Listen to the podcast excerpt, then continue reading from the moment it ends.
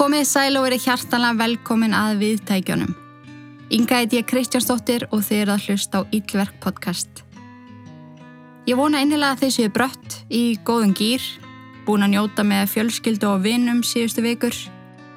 Mögulega ykkur að ykkur búin að skella ykkur til útlanda, byrjað undirbúa jólinn, en á sama hvaða staði eruð og hvað þið eruð að bralla, vona ég að þið séu glöði hjartanu og spennt fyrir nýjum Íllverk þætti. Áður við hefjast handa við þátt dagsins langaði mig að koma eins inn á áskriftarleið hlaðarpsins. En inn á ítlark.is getur þú skráði í Ítlark Plus. Fyrir 950 krónur fær þú 5 auka þætti í mánuði, 6 í desember og þessa fríu án auglýsinga. Kíki endil á það ef ykkur langar í meira efni frá mér. Mér langaði líka að koma inn á nýju bókina mína sem að kemur út 10. desember. En eins og mörg ekkar muni kannski eftir gaf ég út bókina Íllverki fyrra og nú er komið að næstu sem er nokkuð skonar baksaga fyrir bókar. En í nýju bókinu minni upprunni gröfum við djúft í bernsku ár þegar Baldur, Sigurvegar, Óla og Jórunar og komum stað þeirra dýfstu lindamálum. Hvað kom fyrir sem að gerði þau að brotnu einstaklingunum sem að þau síðan urðu? Salfræði trillir, vináta, sveik Ógæðslega sjúk ást, kynlíf, glæpir, allur pakkin.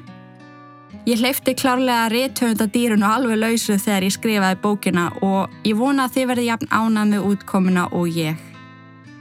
Hljóðbókin er komin í forsölu inn á ítlark.is svo ég mæli með því að skella sér þanga og grípi ykkur eintak á sérstöku forsölu verði.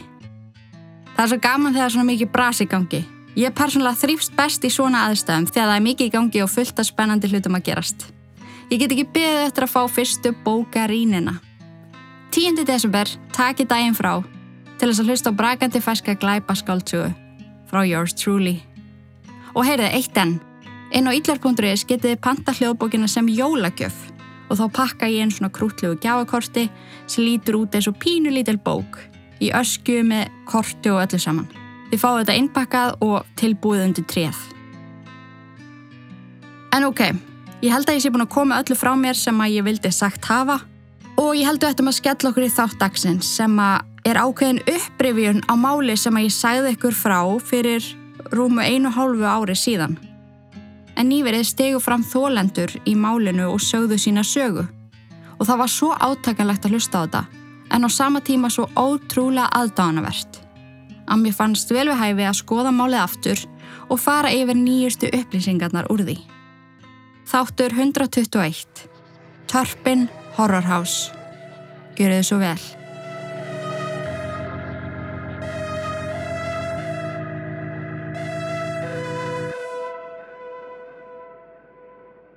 Ég saði ykkur frá máli Törpin fjölskyldunar 23. apríl árið 2020 og er sá þáttur nummer 59. Í honum fór ég yfir máli frá byrjun, alveg frá því að David og Louise Törpin sem að eru fóreldrarnir kynntust. Ég var ekki alveg viss um hvort ég ætti að koma inn það aftur en það er langt síðan við rættum þetta og ég persónulega var búin að gleima miklu af þessu máli. Svo ég ætla að stikla á stóru þegar að kemur að fjölskyldusögunni og öðrum atriðum sem að spila stóran þátt í því af hverju þetta átti sér allt saman stað. Því að mér þykir hvert einasta skref sem að þessi fjölskylda gekki gegnum mjög mikilvægt og einmitt gefur manni heilda mynd á málið sem er svo ótrúlega hræðilegt uppfullt af grimd og viðbjóði. En ég vil líka nýta tækifærið og vara við efni þáttarins. Ég er að fara að tala um alvarlega vannrækslu, ofbeldi, kynferðisofbeldi á börnum og sumir meika bara ekki svo les sem að ég skil alveg ótrúlega vel.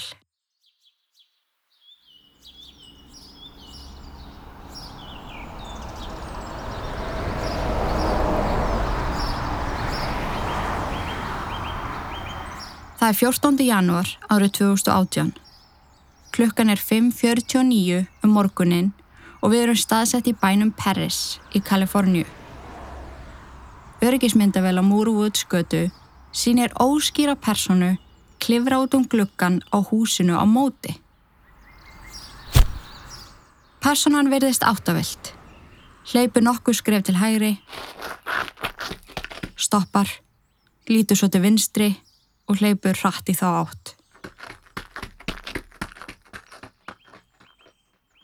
Personan sást ekki fara inn í húsið á öryggismyndavelinni svo ekki var þetta inbrottstjóður. Nokkru mínútur síðar berst neyðalínunni ansi undarlegt símtall frá ungri stelpu sem að hljómaði á bylunu 10-12 ára gömul. Talsmáti hennar og orðaforði var bjagaður og skrítin. Hún vissi ekki hvað hún var og sagðist ekki þekka götuna sem hún bjó á. Því hún sagðist aldrei að farið einn út af heimilinu. What's your name? Golden Turpin. Okay, I live in a family of 15 people, and my parents are abusing. They abuse us. And my two little sisters right now are chained up. And how many of your siblings are tied up? Two of my sisters, one of my brothers. How are they tied up? With rope or with what? With chains.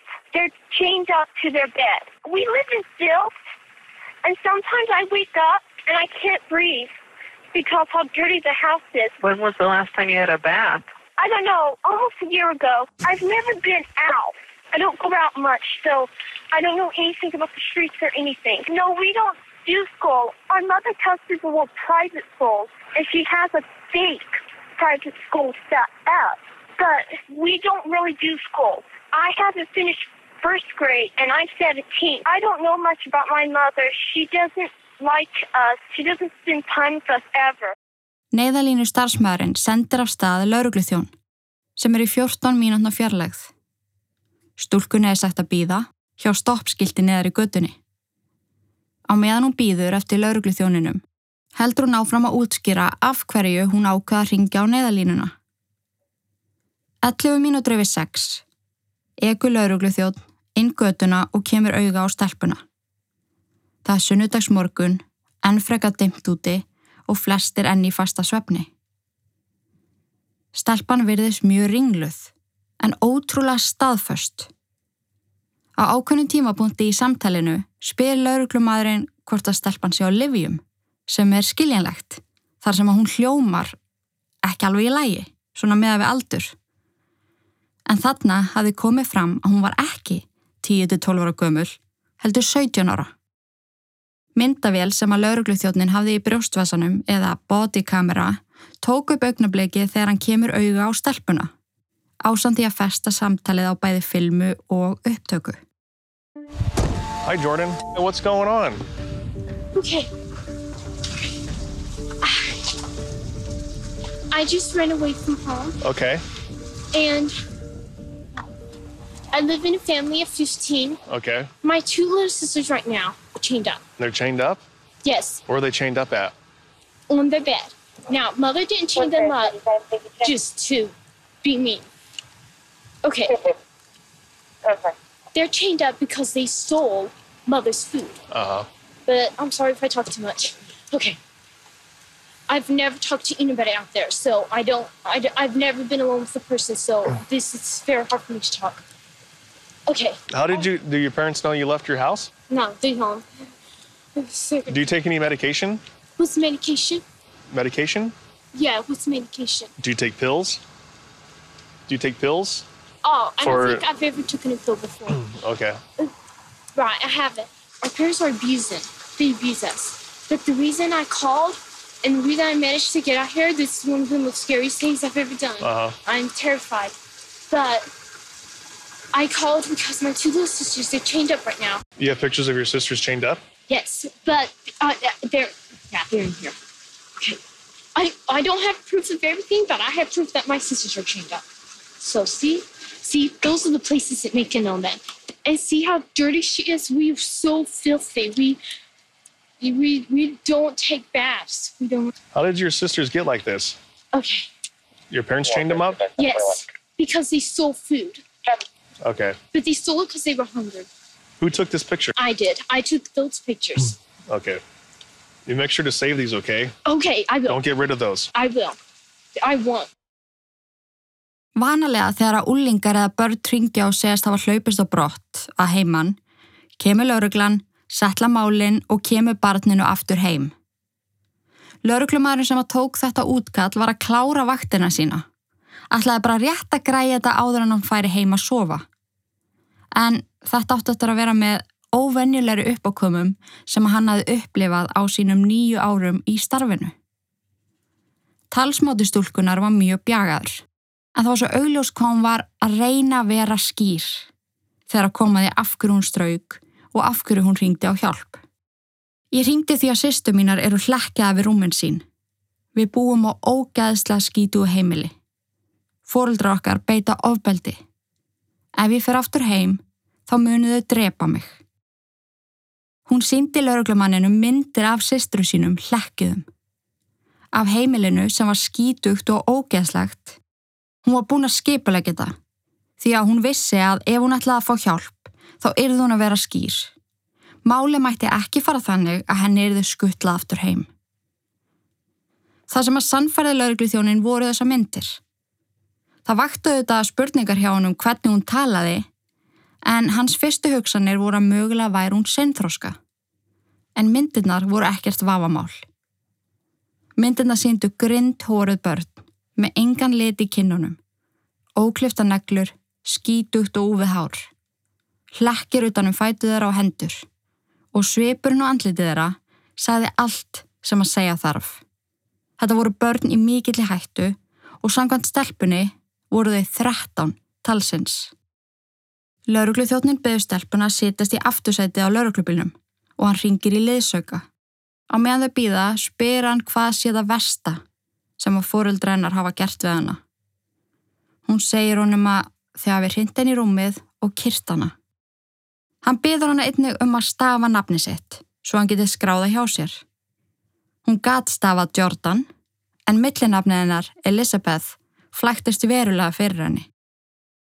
Einum og hálfum klukkutíma eftir að Jordan skreið út um gluggan ganga fjóri lauruglumenn upp að heimilennar og banka. Þeir banka í tvær mínútur og tíu sekundur. Þar til að maður og kona koma til dýra klætt náttfötum. Þetta voru þau David, 57 ára og Louise Turpin, 49 ára. Fóreldrar Jordan og hinna tólbarnana sem voru sum hver hlekjuð inn í húsinu. Á brjóstmynda við lauruglumannana sést vel hversu hratt Louise byrjar að anda. Þegar lauruglan segið þeim að Borist hefði símtal um að þurfti að aðtúa með börnin. Louise byr hvers konar símtal og af hverju þeir séu þarna, þau hefði verið steinsofandi og hún verðist mjög hissa. Laugin í bandaríkjunum eru þannig að þegar að velferðaratögun er gerð og börn eru í spilinu hefur laurugla sjálfkrafa leifi til þess að leita á heimilinu. Þá þarf ekki að sækja um heimilduna fyrst. Svo þeir segjast alltaf aðtuga hvort að það sé eitthvað til í ábendingunni sem þeir fengu. Louise bakkar henni í húsið en David stendur sem fastast í dyrakettinni svo að lauruglumenninir þurfa að þrönga sér fram hjá honum. En á þessu augnabliki hefur David líklegast verið að átta sig á því að nú væri þetta búið. Lendamálinn inn á þessu skjálfilega heimili yrðu loksins gerð ofinber og bæði hans og Louise beigð refsing. Það fyrsta sem að laurugla tóka eftir þegar þeir gengu inn í húsið var ógæðislega lyktinn, drastlið og viðbjöðurinn. Það sást ekki í gólfið fyrir óopnum leikvangakossum, fötum, matarumbúðum, kattaskít, hundaskít, blegjum. Ef að þið hafið hort á þættina Horders, þá var törpun heimilið þannig. Gjörsanlega uppfullt af drastli.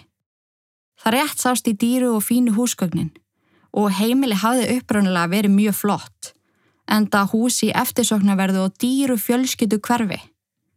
En eins og við höfum svo oft komið inn á í þáttunum, þá er aldrei hægt að dæma bókina út frá kápunni. Þegar að lauruglumenninir gengur lengra inn í húsið, komir auga á hvert barnið á fætur öðru. Yngsta barnið var ekki mikið eldra en tveggjara gamalt. Sum þeirra stóðu og horðu hrætt á laurugluþjónana á meðan önnur lágu döðskelkuð í kójónu sínum, hlekkuðu við þær. Eitt sískinana sem að vissi að því að Jordan fór eftir hjálp var hinn 29 ára gamla Jennifer. Hún lá í neðri kóju, hlekku við hana með galopin augun. Fegin að Jordan hafi tekið stætlunaverkið. En sjálf hafði hún reynd tveisasinnum að flýja frá heimilinu. Hún hefði verið förstin á þessu heimili í 29 ár með mentun á við barn í grunnskóla og talkunnóttu á við 10 ára barn. Þegar að David og Louise voru spurð, af hverju búa börnin ekkar við þessar aðstæður? Gáttu þau ekki svarað. Þau voru í svo miklu sjokki og eru kláð þúsund hugsanir að fara í gegnum höfuð þeirra. Hvernig gáttu þau komið sér út úr þessu? Staðrendin er svo að þennan dag, þann 14. janúar 2018, var ekki aftur snúið. Rannsóknin fór strax á fullt. Hjónin voru handtekinn og ákjær fyrir vannrakslu og hulunni svift af hræðilegu lindamáli törpin heimilisins. En hvaða fólk var þetta? Og af hverju hafði enginn gert neitt í þessu fyrr?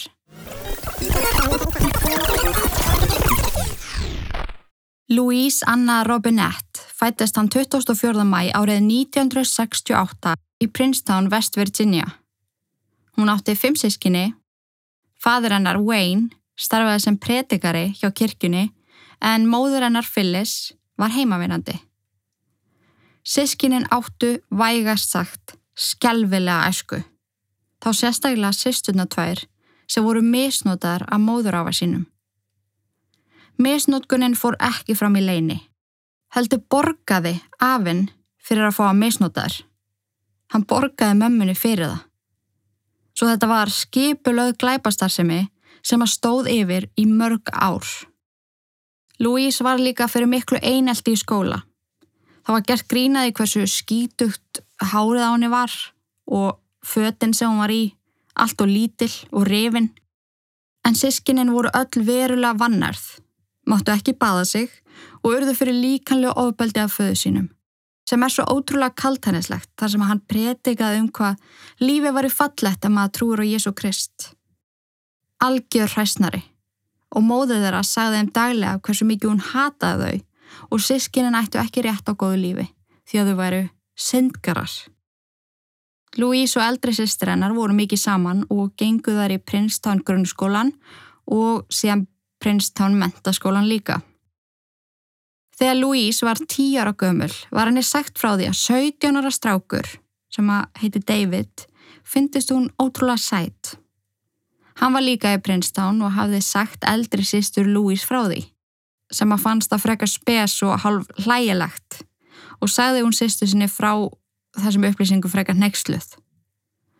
Louise fannst þetta hins vegar ekkert skrítið. Heldur var hún uppi með sér að eldri strákur skildi síninni áhuga. Þá sérstaklega strákur eins og David.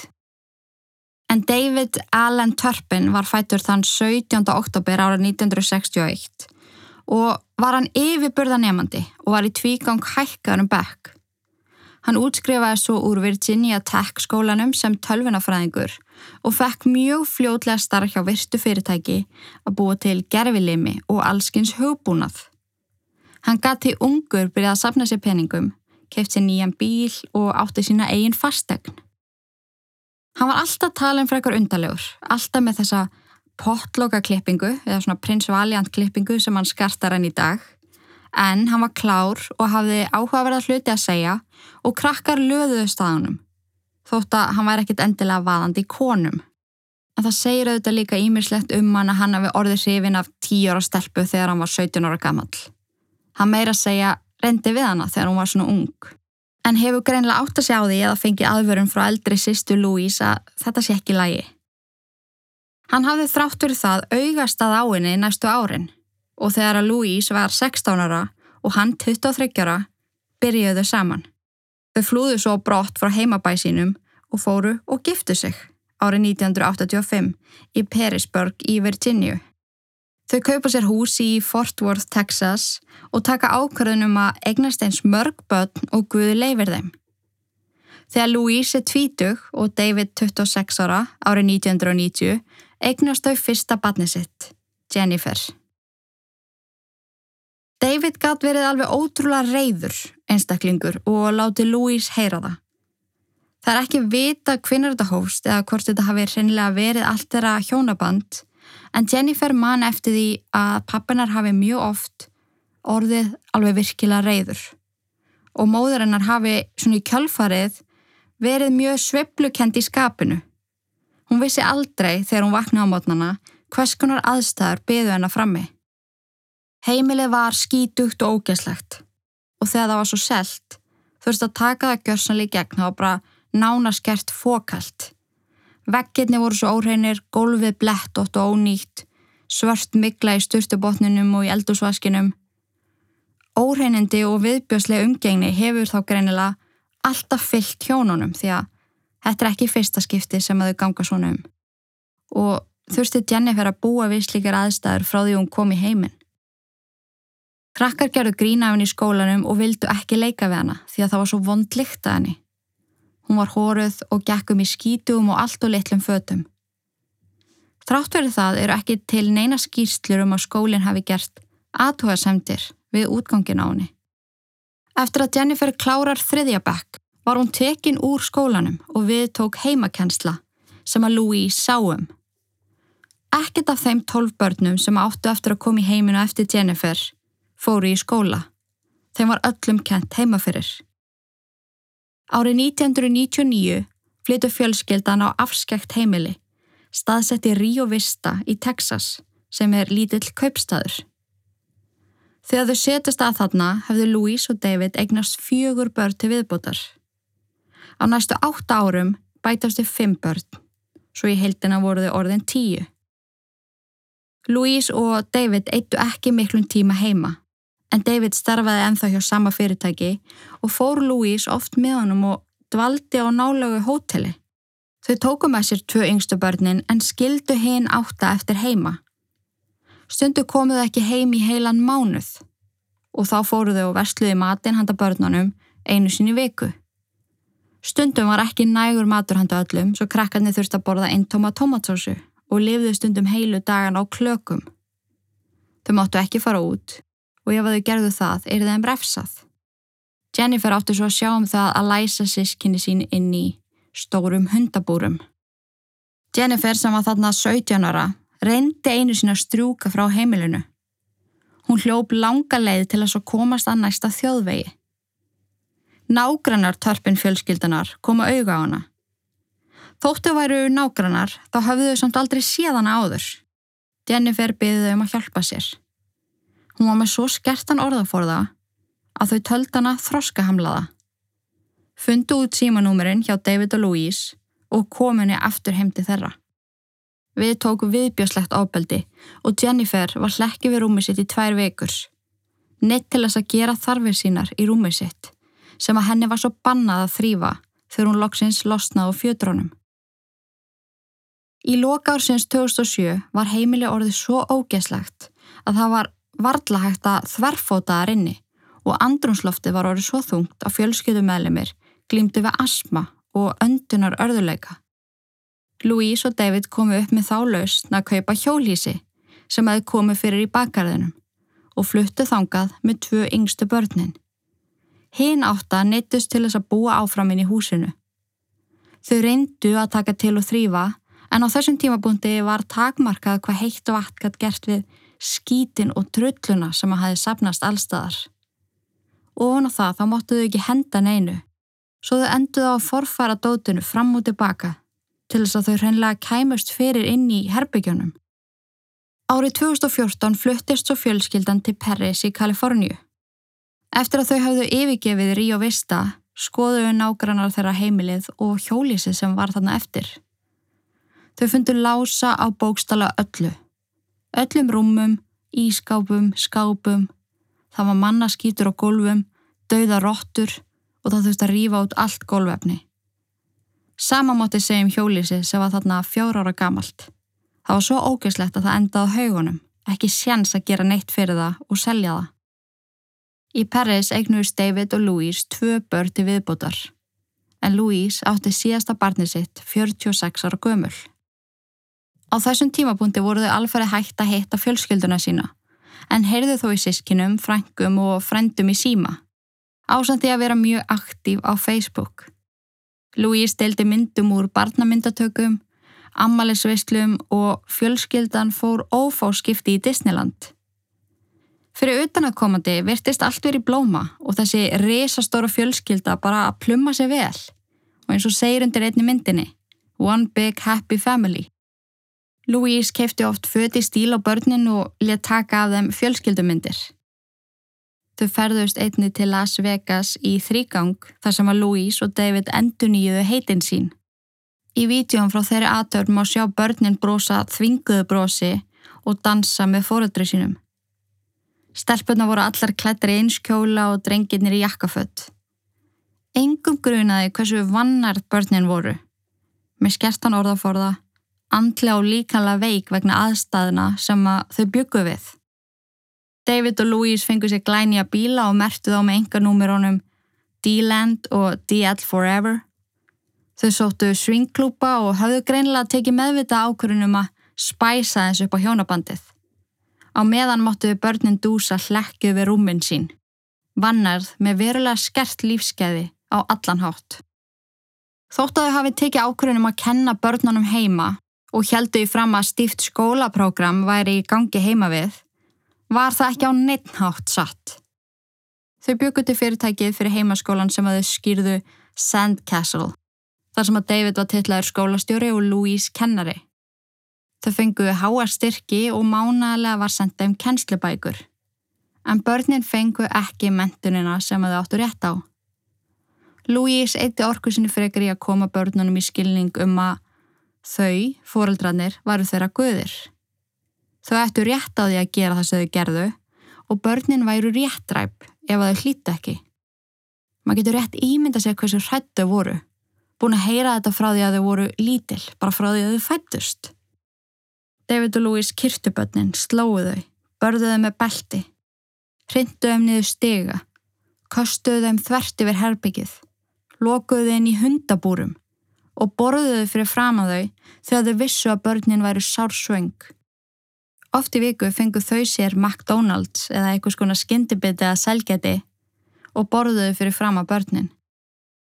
Louise var mikill kaupfíkil og var stanslöst að panta leikfung, fött og alls konar heimilisförur af Amazon.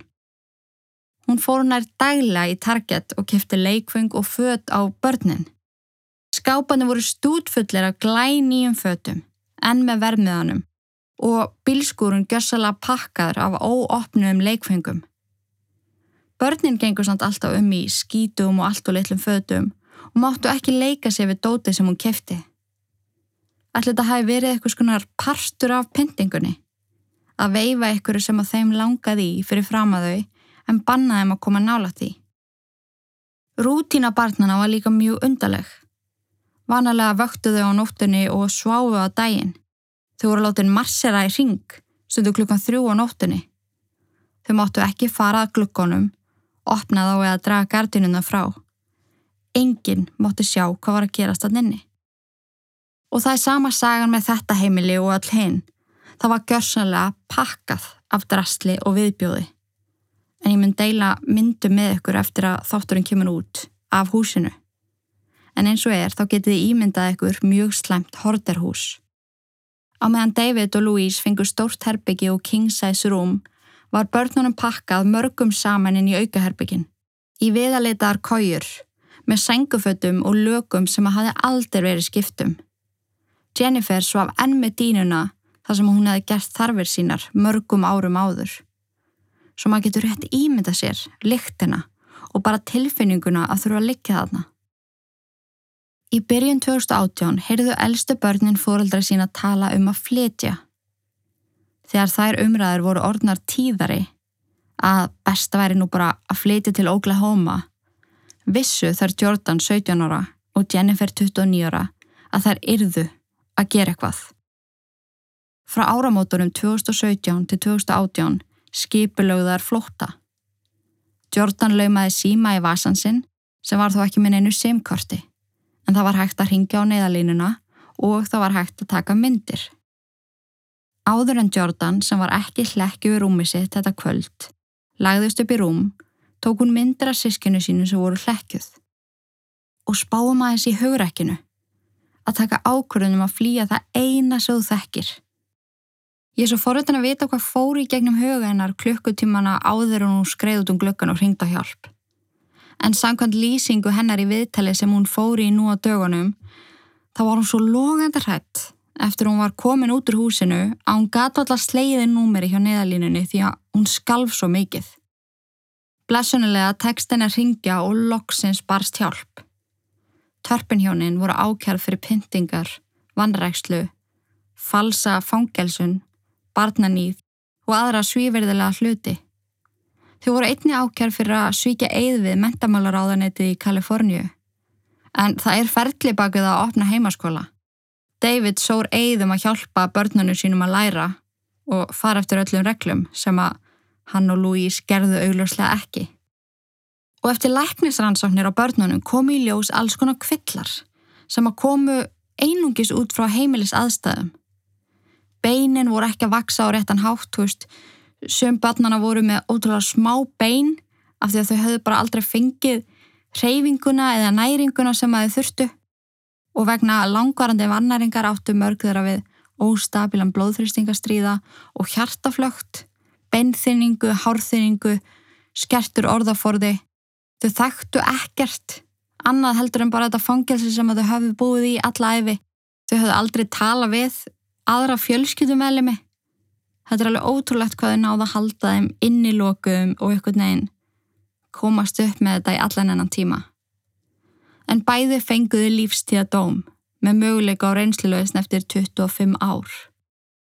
Og síðan þetta komst allt saman upp, hafa liðið fjögur ár. Börnunum hefur verið haldið frá sviðisljósinu og andlitir að æti blörruð á myndum og yngar upplýsingar gefnar upp um þau bara til að venda þau.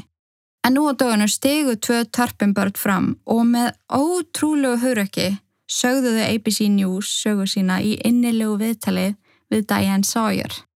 Börnin sem að stegu fram voru þar Jordan og Jennifer. Jennifer er elsta barn þeirra Louise og David. Hún var fangelsuð í 29 ár og Jordan var 17 ára þegar hún skreið út um glukkan og ringdi á laurugluna. Vegna hennar var öllum tól sískinunum borgið. My whole body was shaking, and when I was holding the phone, I remember the phone was like I couldn't really dial 911 because I'm sorry. Shaking too much. Yeah, I was shaking it, so I was trying like to to dial 911, but I couldn't even get my my thumb to press the buttons because I was shaking so bad. I was like trying to like calm down to do it, and then I finally like pressed it, and then they answered. I literally never talked to somebody on the phone. The first place we went, we went to a park with two of my sisters, and I was so excited because I could smell the air, I could smell the grass. I was like, how could heaven be better than this? Oh my gosh, this is so free. Like, this is life. All of us went through a lot, and all of us went through our own things. And to be honest, not even all of us know every single thing each one of us went through. Exactly. Mm-hmm. And nothing's ever going to be that bad. And, and nothing's going to be as bad as 29 years in what the only word I know to call it is hell. My first memory, I was about two years old. I went downstairs for a glass of water, for a cup of water, and on the stairs, I saw my father yelling very loudly at my mother. My mother was crying.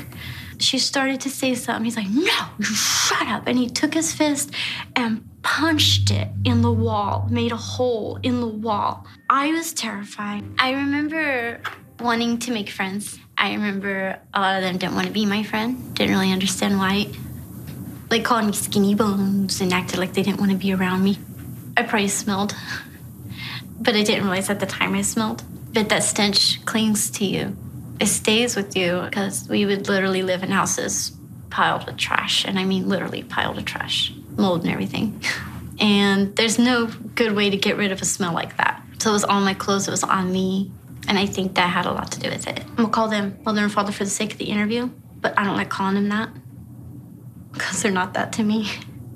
They literally used the Bible to explain their behavior toward us, saying that we have the right to do this to you, that they had the right to even kill us if we didn't listen.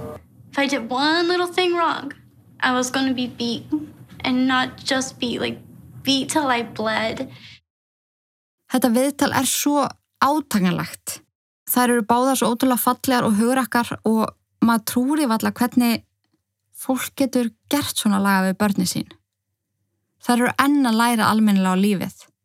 En það höfðu þær aldrei fengið tækifæri til þess að kynast nýju fólki, fara í skóla, vinna eða hafa áhugamál. Og það sem er þóttu svo áhugavert við til dæmis samskiptin þeirra á milli var að þær gáttu tala saman með augunum. Maður sá það, þær voru bara svona eiga samræðar með augunum því að það var svo oft banna börnunum að hafa samskipti við hvort annað. Þannig að þau læriðu bara svona að tala saman í hljóði og það er eitthvað svo áhugavert að sjá þær gera það í þessu viðtali. Það eru svo jákaðar og fullar af eldmóði. Það er ætla sér að lifa góðu lífi og njóta þess, en það hefur tekið langan tíma að koma stangað. Og það sem ég þótti hræðilegt að heyra, þegar ég hlusta á viðtalið, er að eftir að þau losnuðu úr fangilsi fólkdra sinna, þá brást kerfið þeim. En þeim var lofað aðstóð, þá þurfti að koma inn til læknis, það þurfti að koma inn til tannlæknis, sálfræðings, þá þurfti að koma inn í skóla og vinnu, veita um húsnæði og örugt líf. En það brást. Það var ekki stutt við þau eins og það var lofað og fjármunir sem að grættir voru út af ríkinu voru ekki settir í hendu barnana. Þeim var öllum splittað upp og fóru á miskóð fósturheimili. Sum þeirra heldum mér þess að áfram að lifa við andlegt og líkanlegt ofbeldi. Heldu áfram að svelta og vera lokuð inni. Ég var, ég var svo reið þegar ég heyrði þetta að ég bara, ég trú þessu valla. Ég held í alverðinu að þeim hefði öllum verið komið í örugt skjól og ég var ekki að komast að þessu fyrir núna þegar ég fór að skoða málið aftur. Ég mann þegar ég tók upp uh, málið í fyrra þá held ég að ríki hefði bara einmitt stutt við þau, bara all in. Staðan er þó betri í dag og þeir aðilar sem að bára ábyrðaði að leiða börnin áfram í rétt átt hafa verið ákerðir og eiga bara, ég hættu að fara í fangelsi og borga heiminn háar sektir. En ég held að það hef verið ótrúlega stert hjá Jordan og Jennifer að stíga fram. Sína öllum að það er ætla ekki að láta buga sig og þetta megi ekki viðgangast. Og ég finna á mér að þær munu báðar að ná ótrúlega langt. Markmið Jordan er til dæmis að verða motivational speaker. Svo hún getur sagt frá lífinu sínu og miðlað þekkingu sínu og hjálpað öðrum. Sískinin eru alltaf í sambandi en þó í mismiklu. En málið er að allra er undir smásjá þessa dagana og allt verður gert til þess að þau fái lífið sem að þau eiga skilið. Þau þurfa ekki að halda áfram að díla við að búa í helviti. En ég ætla að halda áfram að fylgjast með þessu og deila með ykkur á Instagram ef það kemur eitthvað nýtt upp. Þið eru líka dögulega að senda mig sem að ég kann verulega með þetta. En þanga til þá vona ég með öllu hjarta að öll 13 törpin börnin eigi gott líf, fullt af hamingju og ást. Þetta mál skilur mig eftir svo orðlösa. Ég skil ekki hvernig fóreldrar geta gert börnunum sínum þetta. Það sem ég upplifi líka, ég verða að vera bara alveg hreinskilin við ykkur, ég verð svo betur af því að það er í alverðinu fólkan úti sem að þráir ekkert meira heldur en að eigna spann. Fyrir tæknifrókun aftur og aftur og byggja fyrir því á hverju kvöldi að verða ólétt. Svo er fólkan úti sem eignast barn eftir barn eftir barn Við erum að tala um það að Louise var bara stanslöst ólétt í 20 ára eða eitthvað. Og hún átti ekkert af þessum börnum skilið. Þetta er svo ótrúlega ósengjant og hræðilegt. Svo er mega vesen ef að fólki langar að bjarga börnum úr svona aðstæðum og ætlaða þau. Það getur bara tekið mörg ár og er bara fáralega dýrst. Þetta er svo galið. Og þetta mál er bara yfir höfu galið og ég vona David og Louise hugsa sinn gang. Ég vona að þau vinni í sínum málum því að Þau eru greinlega handónýtt fólk sem að hafðu ekkert að gera með eiga börn. En líka svo við komum aðeins inn á æsku Louise sem var auðvitað hræðileg. En samkvæmt rannsóknir sem að ég hef skoðað þá er ekki algengt að þólendur verði gerendur. Ef að börn lendi ykkur að þau verði gerendur þegar þau eru fullorðin, það er ekki algengt. En ég held að það sé máli hjá Louise. Ég held að allt sem að hún gekk í gegnum hafi spilað resastónan þáttið í hvernig hún var sem áður og það verður ekki hjálpa að David átti verið eðivandamál að stríða og leta betna henni. Þau þurfa klálega mjög mikla hjálp og ég vona innilega að þau fá hana í fangelsinu. En þetta var allt sem ég hef fyrir ykkur um törpin fjölskylduna í þessum update þætti. Ég hveti ykkur til að leita af Escape from a House of Horror á YouTube og hlusta á viðtölum við Jordan og Jennifer. Annars vil ég þakka ykkur kærlega fyrir að hlusta Takk fyrir að vera til og í guðanabænum forðist öll ítverk. nema þetta podcast. Verið sæl. Haugur, take it away. Sættu sjöfið og þú dottir ekki lukku Týnda sáli sem í djúpa hafi sög 66 að það sluppu